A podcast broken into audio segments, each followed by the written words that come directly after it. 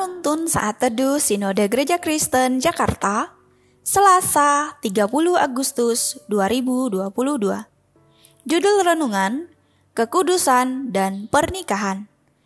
Nats Alkitab terambil di dalam kitab 1 Tesalonika pasal 4 ayat 3 sampai 6 Karena inilah kehendak Allah pengudusanmu yaitu supaya kamu menjauhi percabulan supaya kamu masing-masing mengambil seorang perempuan menjadi istrimu sendiri dan hidup di dalam pengudusan dan penghormatan, bukan di dalam keinginan hawa nafsu, seperti yang dibuat oleh orang-orang yang tidak mengenal Allah, dan supaya dalam hal-hal ini orang jangan memperlakukan saudaranya dengan tidak baik atau memperdayakannya.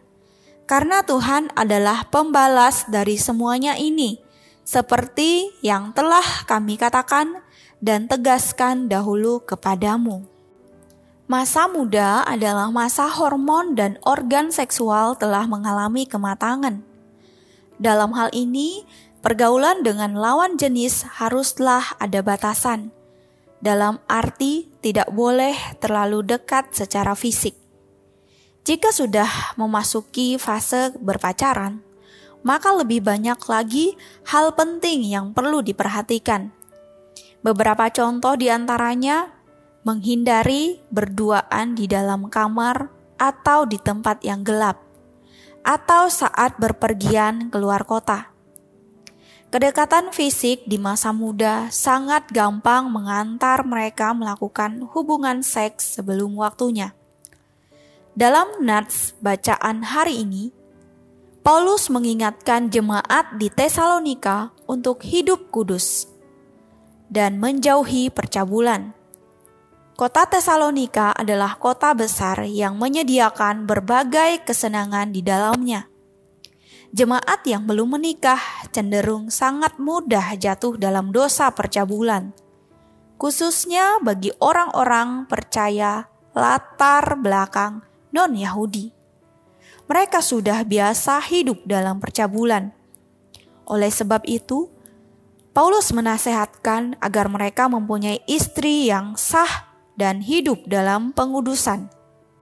Mereka tidak boleh hidup dalam berbagai kecemaran dan hawa nafsu seperti dulu sebelum mengenal Allah. Allah memanggil mereka bukan untuk melakukan apa yang cemar, melainkan yang kudus. Demikian pula Allah menghendaki kepada setiap kita untuk hidup dalam kekudusan. Jika saudara tidak kuat menahan nafsu biologis, lebih baik menikah saja daripada berbuat dosa.